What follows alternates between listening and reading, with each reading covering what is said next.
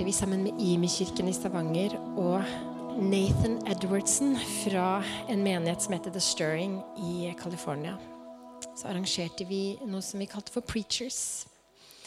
Der eh, mange som både har kanskje mye erfaring med det å forkynne og tale, og andre som kanskje ikke har så mye erfaring med å forkynne og tale, møttes eh, og fikk undervisning og eh, inspirasjon til å gå videre med det som mange kanskje opplever at de har et kall til, nemlig det å forkynne Guds ord og det å tale. Og vi som menighet har veldig lyst til å legge til rette for at flere stemmer skal komme opp. Og vi tror på at det trengs mange flere som forkynner Guds ord og Guds sannhet i menighetene, men også utenfor menighetene. Nå skal dere få møte tre av de som var på Preachers.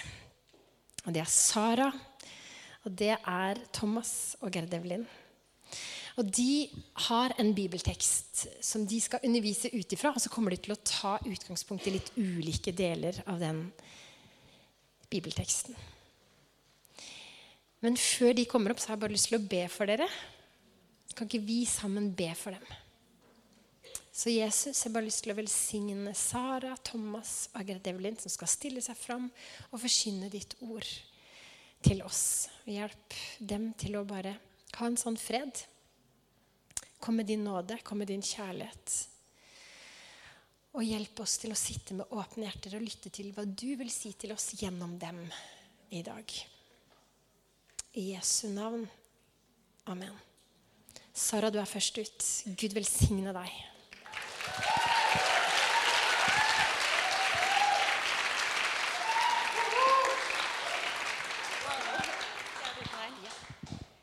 Ok, Hi guys, hey family. Jeg må minne meg selv om at dere er family. Jeg var med på Preachers i mars. Jeg sa til Gud jeg melder meg på én betingelse, at jeg ikke skal bli exposed. And here we are. Yes. Ja, Vi skal snakke fra samme tekst, eh, Matteus 20, om en lignelse derfra. Og vi kommer til å trekke fram litt ulike punkter. Um, og det som skjer, er at Jesus tar disiplene med på en reise for å fornye deres sinn til en ny realitet i Guds rike. Og han begynner med å fortelle en story om en jordeier som samler inn arbeidere til å arbeide i vingården sin. Og han blir enig med eh, arbeiderne om at de skal få én denar i lønn hver. Og så går tiden. Tredje time, sjette time, ellevte time.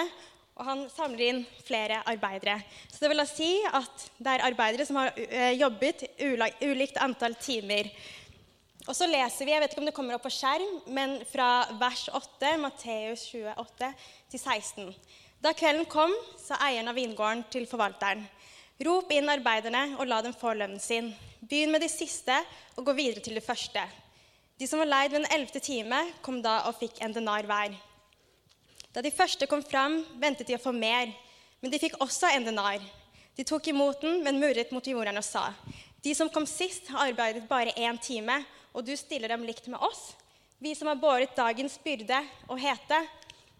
Han ventet, han ventet seg til en av dem og sa.: Venn, jeg gjør deg ikke urett. Ble du ikke enig med meg om en denar? Ta ditt og gå. Men jeg vil gi han som kom sist, det samme som deg. Har jeg ikke lov til å gjøre, det, jeg lov til å gjøre som jeg vil med det som er mitt? Eller ser du med onde øyne på at jeg er god? Slik skal de siste bli de første, og de første de siste. Jeg måtte helt ærlig lese den teksten her et par ganger, fordi det eneste jeg kjente på, var jo «Hei, herlighet Gud, det her er jo urettferdig. Eh, hva vil du si? Men det som er litt interesting, at vi leser teksten, og det er nesten så jeg forventer at jordeieren på slutten av teksten skal få en slags medfølelse eller forståelse for disse første eh, arbeiderne. Men isteden så stiller han et spørsmål. Ser du med onde øyne på at jeg er god? Det kommer liksom en sånn type konfrontasjon istedenfor. Og for, for, meg så leste jeg sånn Ser du med onde øyne på at jeg er god? Men så skjønte jeg at det er fra kjærlighet. For jeg tror at jordeieren, som representerer Gud i denne teksten, ser at det ligger noe i deres hjerte som de kanskje er litt blinde på selv. Og jeg tror at han egentlig ser en eh, selvrettferdighet og en stolthet i deres hjerte. Og jeg tror at i sin kjærlighet så setter han lys på det, sånn at de kan få en invitasjon til å faktisk leve i frihet. For jeg tror at når man er en arbeider, eller et barn, i Guds rike, så må man gjøre det ut fra en posisjon av å forstå liksom Guds nåde og Guds frelse. Og at det er utgangspunktet man handler fra. Og sannheten er at etter hvert, eller etter at Jesus har fortalt denne lignelsen til disiplene, så går han til korset og betaler prisen for at dette, faktisk skal, dette regnestykket skal gå opp.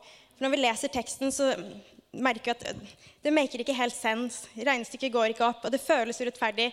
Og sannheten er at det er det. Men Jesus betalte en pris og tok vår urettferdighet, sånn at han kan omfavne oss alle med sin nåde. Så når disse arbeiderne ser på de andre og tenker sånn, men fortjener de det? Så sannheten nei, de gjør egentlig ikke det. Og så kan de se på seg selv, fortjener jeg det? Og sannheten er nei, de gjør ikke det. Og slik er det i Guds rike.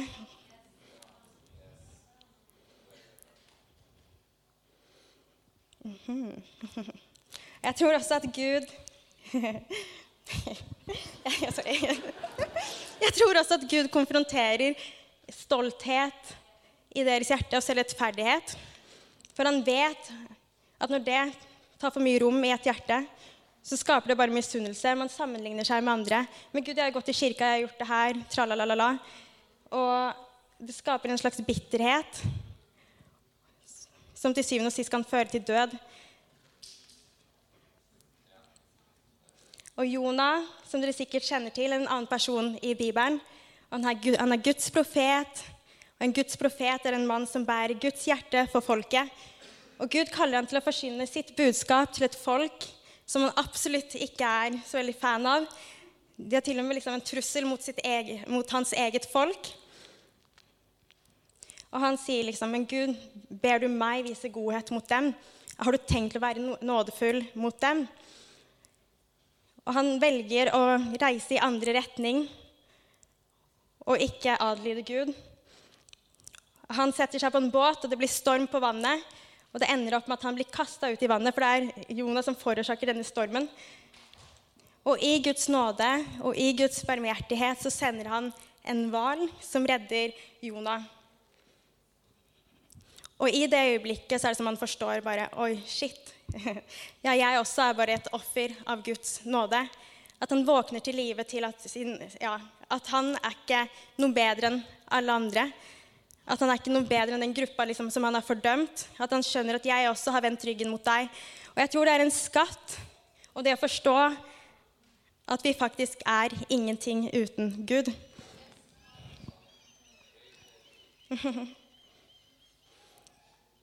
Jeg tror det er så viktig i Guds rike å forstå og en åpenbaring av Guds nåde for å å kunne ekstende Guds nåde videre til andre. For når vi ber 'Gud, la ditt rike komme', hva vil det egentlig si? Og hvordan responderer vi til når faktisk Guds rike tar plass på jorden? Hvordan responderer vi når Guds rike tar plass i våre familier, i våre vennskap? Det som er felles for alle disse arbeiderne, er at de, at de må ta imot den lønna de blir gitt. Og på samme måte så må vi ta imot Guds nåde for å kunne gi Guds nåde videre. Men da trenger vi også en forståelse av hva det vi egentlig har fått. Hva er denne nåden innebærer, og hva er denne gaven? På engelsk bruker man både 'mercy' and 'grace' for nåde. Og 'mercy', et eksempel på det, kan være at f.eks. Du, kjører en nei, du kjører en bil, du kjører for fort, og du blir stoppa av politiet, og du slipper å få en bot. That's the mercy of God. Men det at vi slipper å få noe vi egentlig fortjener, det er the mercy of God. Men the grace of God, det er når du kjører en bil, du kjører for fort, du slipper å få en bot, men du får en bonussjekk istedenfor.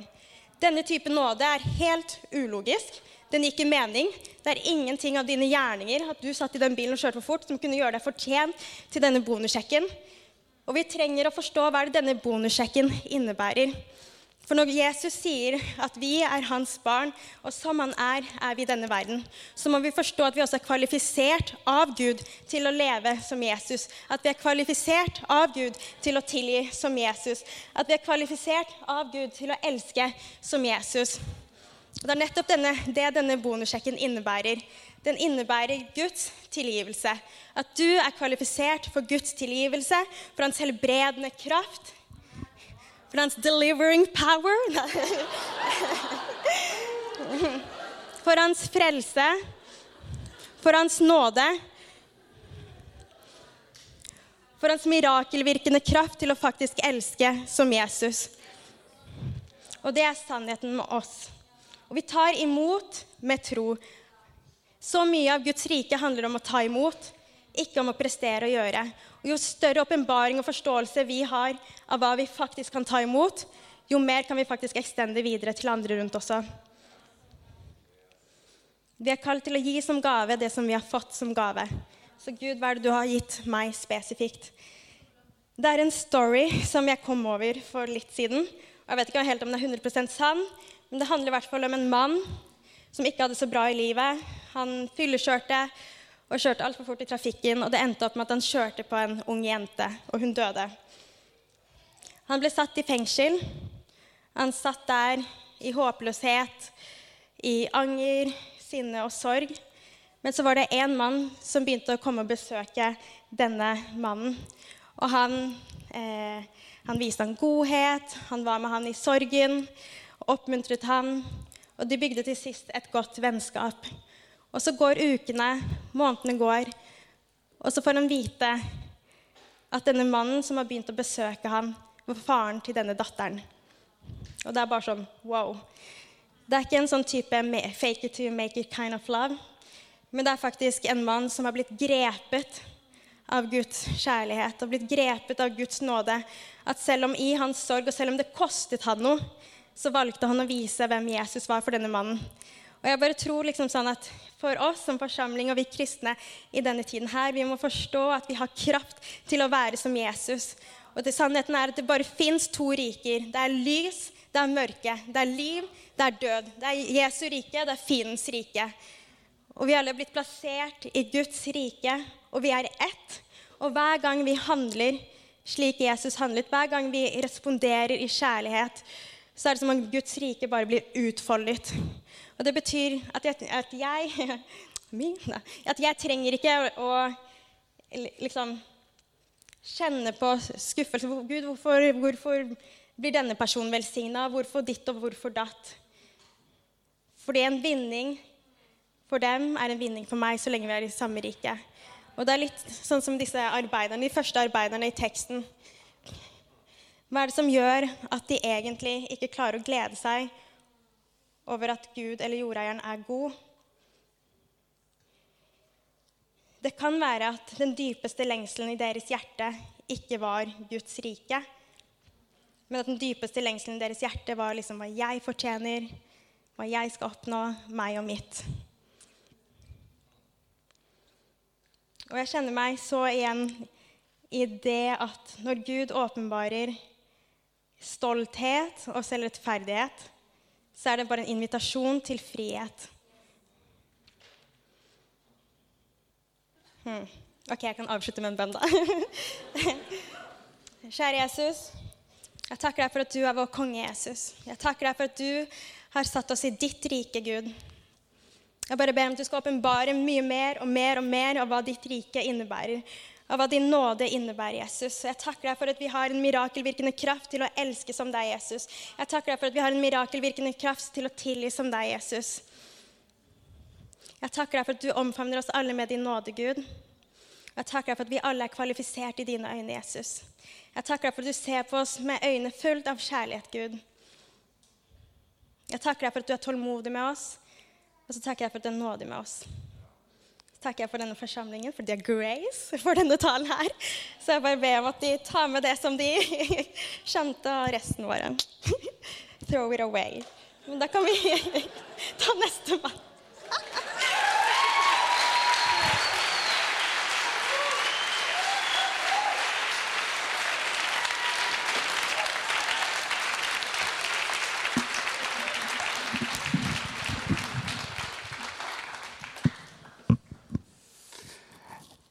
Takk, Sara. Det er jo litt, eh, litt sånn hopp etter Wirkola å prøve å komme igjen etter det der, men eh, jeg skal prøve mitt beste.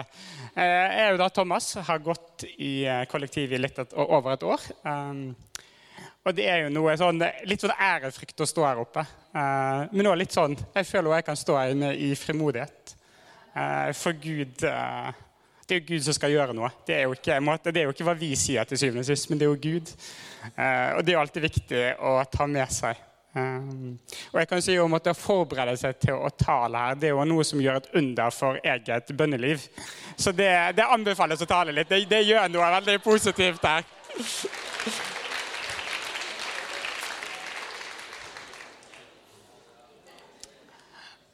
Jeg har lyst til å gå tilbake til teksten. og I starten så står det at himmelriket er lik en vingård. Og I Bibelen så er det ofte sånn at det er jo ikke tilfeldigheter hvilken symbolikk som blir brukt. Det er ofte en symbolikk som finnes igjen flere steder. Og Det er det samme med vingård. Og Vi ser allerede faktisk i Mosebøkene, de første bøkene i Bibelen, at vingården knyttes sammen til Guds velsignelse og Guds forbannelse. Og Det blir enda tydeligere i profetene i Det gamle testamentet. Flere av domstekstene når Gud avgir sin dom over Israel når de har vært troløse, så står det at vingårdene skal ødelegges, vingårdene skal brennes. Men, og det er jo alltid et veldig stort men i disse profetiene, for Gud skal jo komme igjen med sin nåde og frelse dette troløse folket. Og vingårdene skal blomstre igjen. Så vi ser veldig tydelig at det er noe velsignelsesbilde i, i dette med vingård. Og i Jesaja 5 så er det noe som heter 'Sangen om Herrens vingård'. Og Der ser vi at vingården blir sammenlignet med Israels hus, Guds folk. Eh, og vi er jo blitt en del av det. Eh, så det er jo, det, dette er jo noe som gjelder også.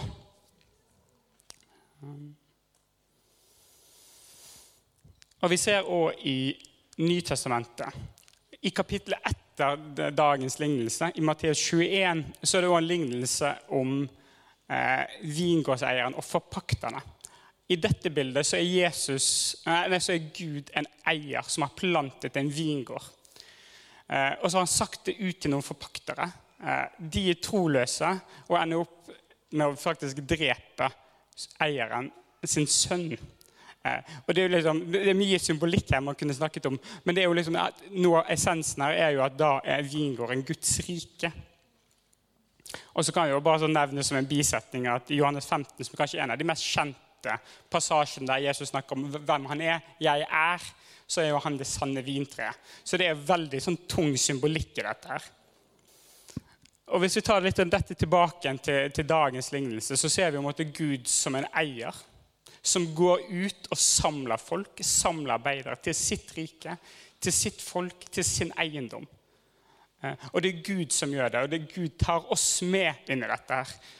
Og hvis Gud tar oss med inn i å være hans folk, så er det, det er noe så stort i det. Jeg tror, tror ikke vi måtte helt klare å skjønne hvor stort det faktisk er. Vi kan bli så fort opptatt av det målet, av den dinaren på slutten.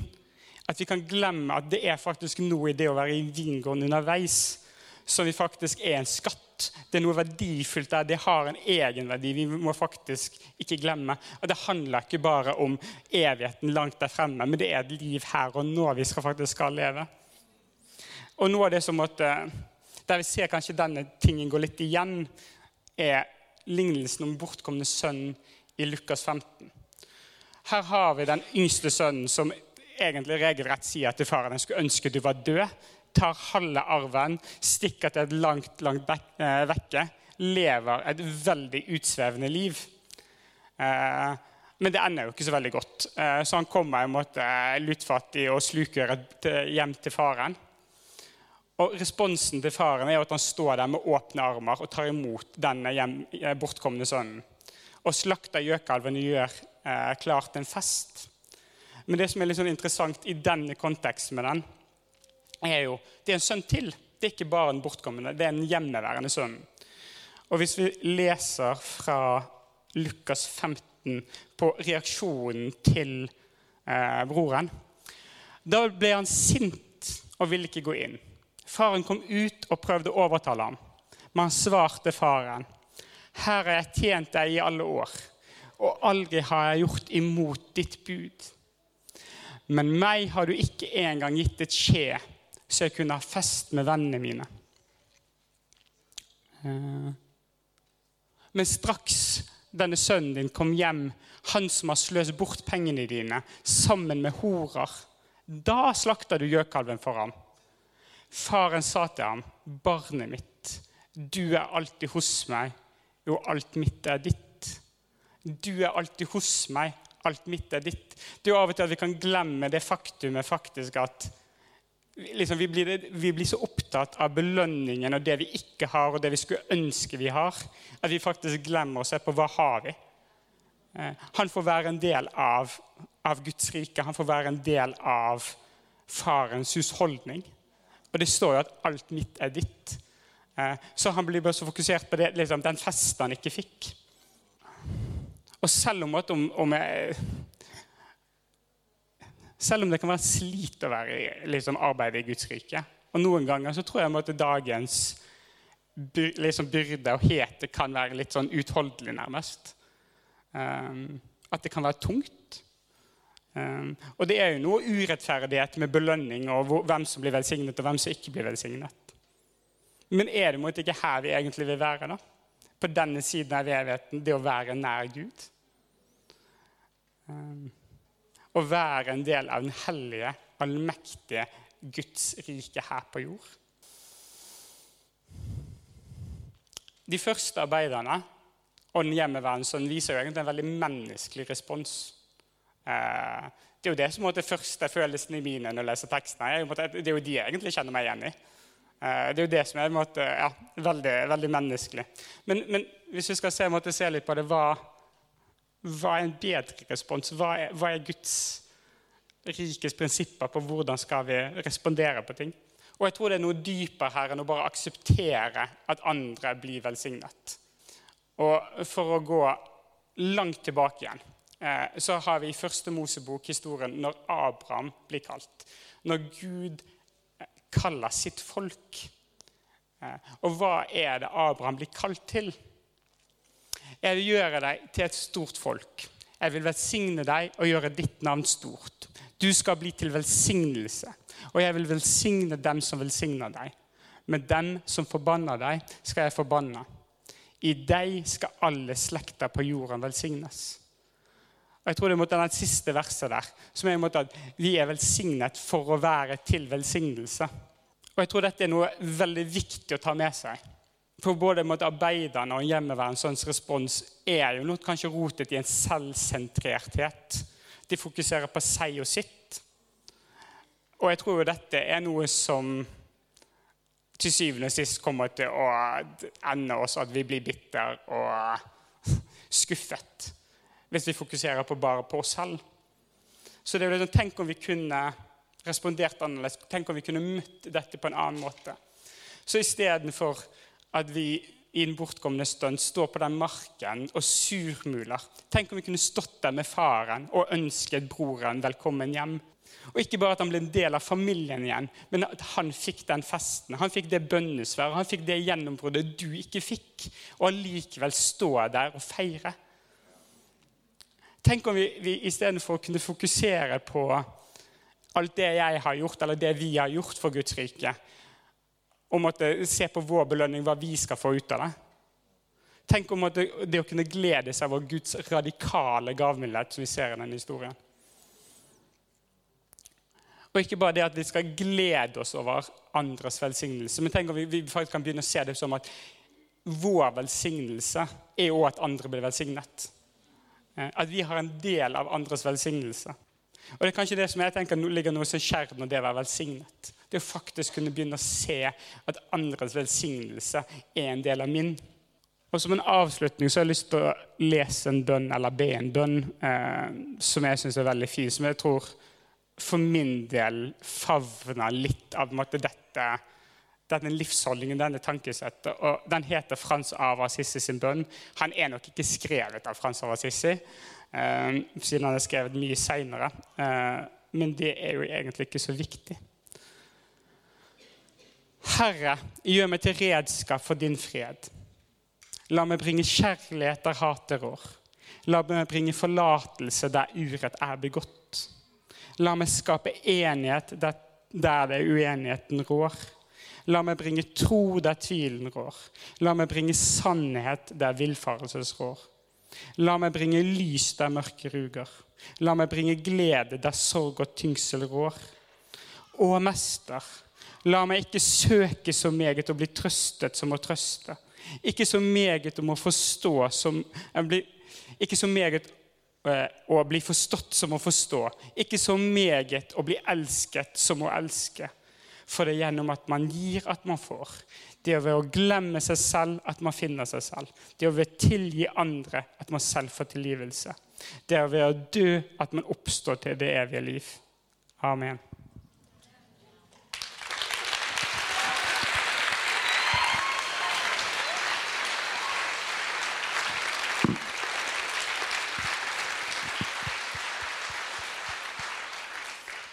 Tusen takk, både Sara og Thomas. Hallo. Dette er jo så bra, ikke sant? Yes. Jeg heter Gerd Evelyn. Jeg har gått i kollektiv siden august. Og hvis du lurer på mer, så kan du snakke med meg etterpå. jeg skal se litt på det som står i kapittelet før kapittel 20, i Matteus 1927. Da er det Peter som stiller et spørsmål på vegne av disiplene. egentlig, Og han sier til Jesus, 'Hva med oss? Vi har forlatt alt og fulgt deg. Hva skal vi få?' Og Det er egentlig på grunnlag av dette spørsmålet at Jesus forteller denne lignelsen. Og Jesus sitt svar til Peter i Matteus 1930 det er men mange som er de første, skal bli de siste, og de siste skal bli de første. Eh, og hvordan ting fungerer i himmelriket, som denne lignelsen handler om, altså Guds rike, det messer litt opp med vår tankegang. ikke sant? Vår menneskelige tankegang. Her skal de første bli de siste, de siste bli første. Det er ikke logisk. Og Hvis du tenker deg at du står i en kø, f.eks. i matbutikk, ikke sant? du står og venter Jeg vet ikke om det er flere enn meg som er utålmodige i en sånn situasjon, men du står og venter, og så er det din tur, og så skal du til å legge på tingene på kassa, og så sier han som jobber der Hei, du, eh, peker på deg. sant? Du, eh, du, må gå bakerst igjen, så skal de her komme før deg. Det er, jo, det er jo ikke logisk, ikke sant? Og da tenker jeg litt sånn OK, hva, hva betyr det her? Det er urettferdig. Eh, og i den lignelsen så er det jo arbeiderne, ikke sant. De, eh, de får denne lønna, og som Sara sa, noen de har arbeidet hele dagen, noen har arbeidet bare en time, men de får samme lønn. Ja, er ikke det litt urettferdig, da? Jo. Eh, og det står at reaksjonen på de som hadde jobba hele dagen, de murra. Murret, for de som snakker sånn bokmål. Eh, og da er det litt sånn, Siden jeg først står her oppe nå, så har jeg lyst til å høre dere murre. Så vær så god, murr. Veldig bra. ja. Så det var sånn de gjorde, da. Eh, når de tok imot den lønna, så ja. Og så sa det at eh, de sa de som kom sist, har arbeidet bare én time, og du stiller dem likt med oss, vi som har båret dagens byrde og hete. Og ofte så kan jeg føle at jeg har båra dagens byrde og hete. Og så svarer jordeieren de her i eh, Matteus 20, 13-16. Venn, jeg gjør deg ingen urett. Ble du ikke enig med meg om en denar? Ta ditt og gå, men jeg vil gi ham som kom sist, det samme som deg. Har ikke jeg lov til å gjøre som jeg vil med det som er mitt? Eller ser du med onde øyne på at jeg er god? Slik skal de siste bli de første, og de første de siste. Men det er lett for oss å tenke at vi burde ha fått mer, ikke sant? Det kan iallfall jeg tenke. Hei, Gud, hallo, burde ikke jeg fått litt mer her? Burde ikke hatt litt bedre i denne situasjonen? Kan du ikke bare fikse den relasjonen så den blir litt bra? Burde ikke, burde ikke. Ikke sant? Vi er innovervendte, og vi er selvfokusert. Og vi fokuserer på det Gud ikke gir til oss. Kjenner du det igjen? Vi har så lett for å tenke på oss sjøl, på våre behov, og føle at vi fortjener ting. Kanskje mer enn andre. Og jeg syns egentlig ikke det er så rart at Peter spurte dette her spørsmålet. Han hadde faktisk forlatt alt for å følge Jesus. Når Jesus kom der og kalte disiplene, så sa Jesus, 'Følg meg.' Og hva gjorde Peter? Han slapp det han hadde. Han forlot familien, han forlot inntektskilden sin, han forlot jobben sin for å følge denne her mannen som han ennå ikke kjente. Og bare sett deg inn i det. Jeg forstår at han stilte det spørsmålet. Og jeg tror også Jesus forsto at han stilte det spørsmålet. Fordi Jesus han har jo vært menneske, og han vet hvordan vi mennesker tenker. Men sannheten er det at eh, vi som er i vingården, vi er bare en gjeng av arbeidere som har fått den nåden som Gud har gitt oss så ufortjent. En gjeng med mennesker som har innsett at 'jeg trenger deg, Jesus'. Jeg vil følge deg. Jeg vil at du skal være herre i mitt liv. Og Jesus han døde på et kors for oss, for at vi skulle bli fri fra den straffa som egentlig venter oss pga. våre synder. Den frelsen, den har vi fått helt gratis. Så alle arbeiderne i vingården, både de som har arbeidet hele dagen og de som bare arbeider en liten time, vi har fått i pose og sekk. Vi har fått frelsen. Det står at en denar det var en dagslønn. Det de, akkurat det som de trengte. Og vet du hva? Jesus han er akkurat det som vi trenger. Gud han gjør ikke forskjell på folk så lenge vi følger han og har plassert oss i den vingården. Og hvis vi legger merke til det, så sier faktisk ikke jord, jordeieren noen ting om arbeid når han kaller inn disse arbeiderne, som kommer litt seinere. Den tredje, andre, tredje, fjerde og femte ganger så sier han 'gå bort i vingården dere også'. 'Jeg vil gi dere det som er rett'. Han sier ikke 'kom bort og arbeid'. Og så sier han også, 'Hvorfor står dere her hele dagen uten arbeid? Gå bort i vingården der også.' Så primært så tror jeg det handler om at du bare plasserer deg i den vingården. Og så handler det sekundært om hva du faktisk gjør, og hva du holder på med å jobbe med. Og det minner meg litt om på videregående. da. Eh, til min fordel da, så var på en måte det viktigste i gymmen det var bare å møte opp. Så trengt, da, da, fikk du ikke strykkarakter. Og for de som var veldig flinke i gym og sånn, og likte å sove litt lenge, de bare 'Å, den der regelen.' ikke sant? Men det er bare fantastisk. Og så kan du jo tenke deg dugnad i borettslaget. Been there, done that. Det er jo veldig sånn Du skal stille opp på dugnad, ikke sant? Og jeg vet du stilte opp i år. Og det er jo ikke sånn at han som på en måte har ansvar for den dugnaden, står over men har holder på i det bedet liksom, ja, drar opp det riktige, får opp det ugresset eller drar opp den blomsten som egentlig skulle vokst opp. Nei, han bare tenker å, så bra at det kommer folk og jobber. Og det som skjedde da, det var at meg og to andre vi tok ansvar for en hekk i et bed langs muren der. Og så kommer det, når vi var liksom ferdige å klippe der, så kommer det ei gammel dame og bare Ja, den der hekken skulle vært klippa til høsten. Nå blir det ikke noen blomster i hele sommer. og jeg bare Å, denne dugnaden. Åh. Og det som var koselig, da, det var at eh, selv om det skjedde da, Det er jo ingen som får med seg det på en dugnad. ikke sant? Og de som hadde rakt to tak liksom, og hadde hatt barseltreff resten av dugnaden Alle sammen var velkommen til å spise og ha det hyggelig på slutten. Og I Guds rike så er det sånn at eh, noen tjenester de, er mer synlige enn andre.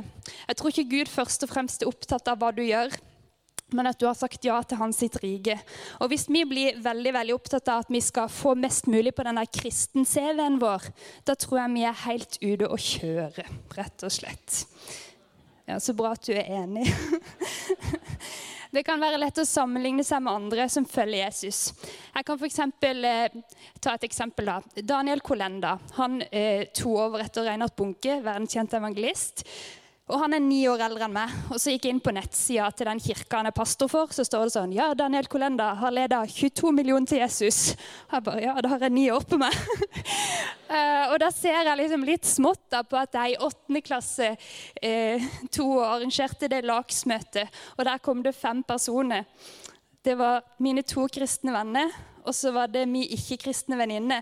Men hun kom egentlig bare fordi hun syntes synd på meg. Fordi jeg hadde sagt til henne at å, jeg brenner så for Jesus, jeg føler jeg må gjøre noe med den brannen. Hun bare oi, stakkars, må du det? Ja, da må iallfall jeg komme og støtte deg. Ja. Og så kom ungdomslederen min og den femte personen.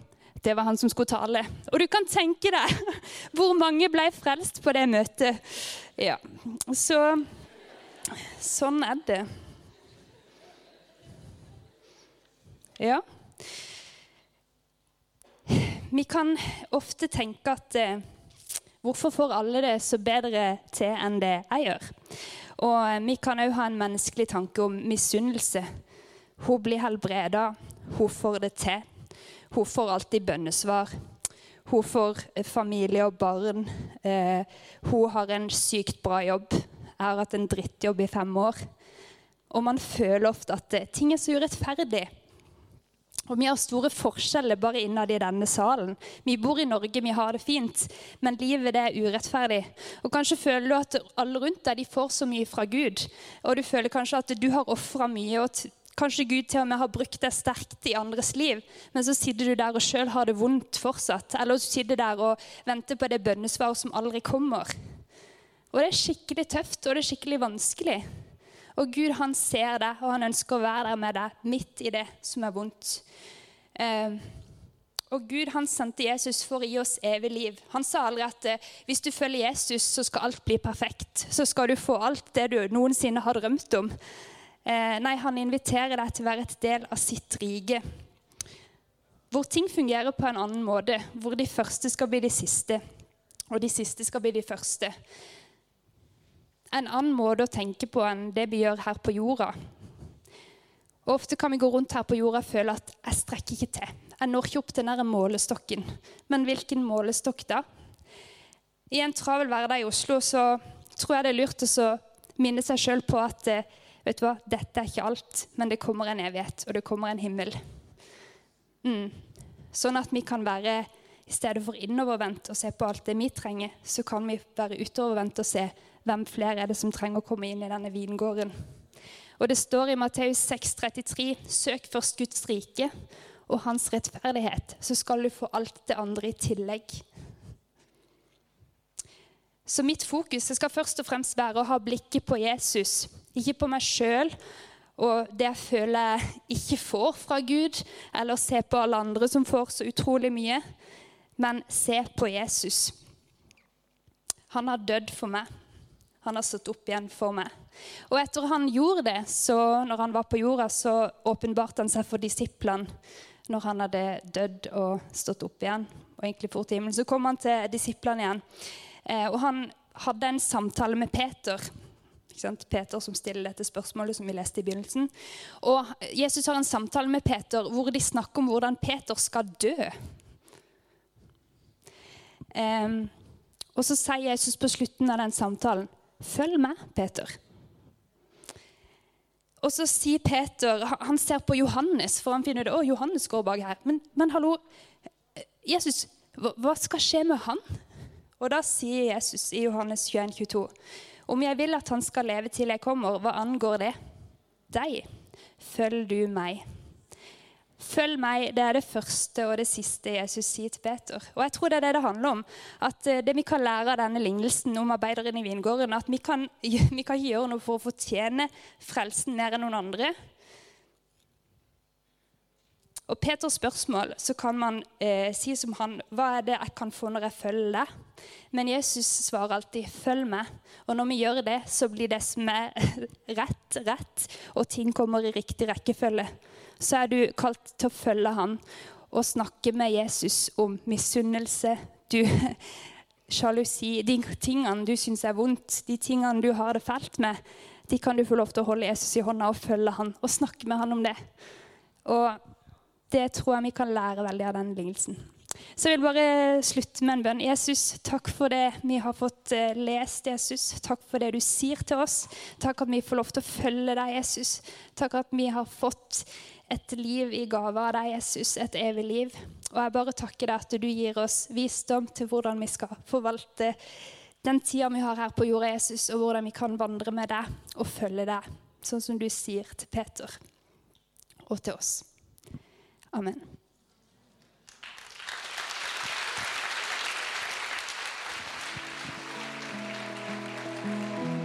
Du har hørt en podkast fra Imekirken Kollektivet. Følg oss gjerne i sosiale medier for inspirasjon i hverdagen.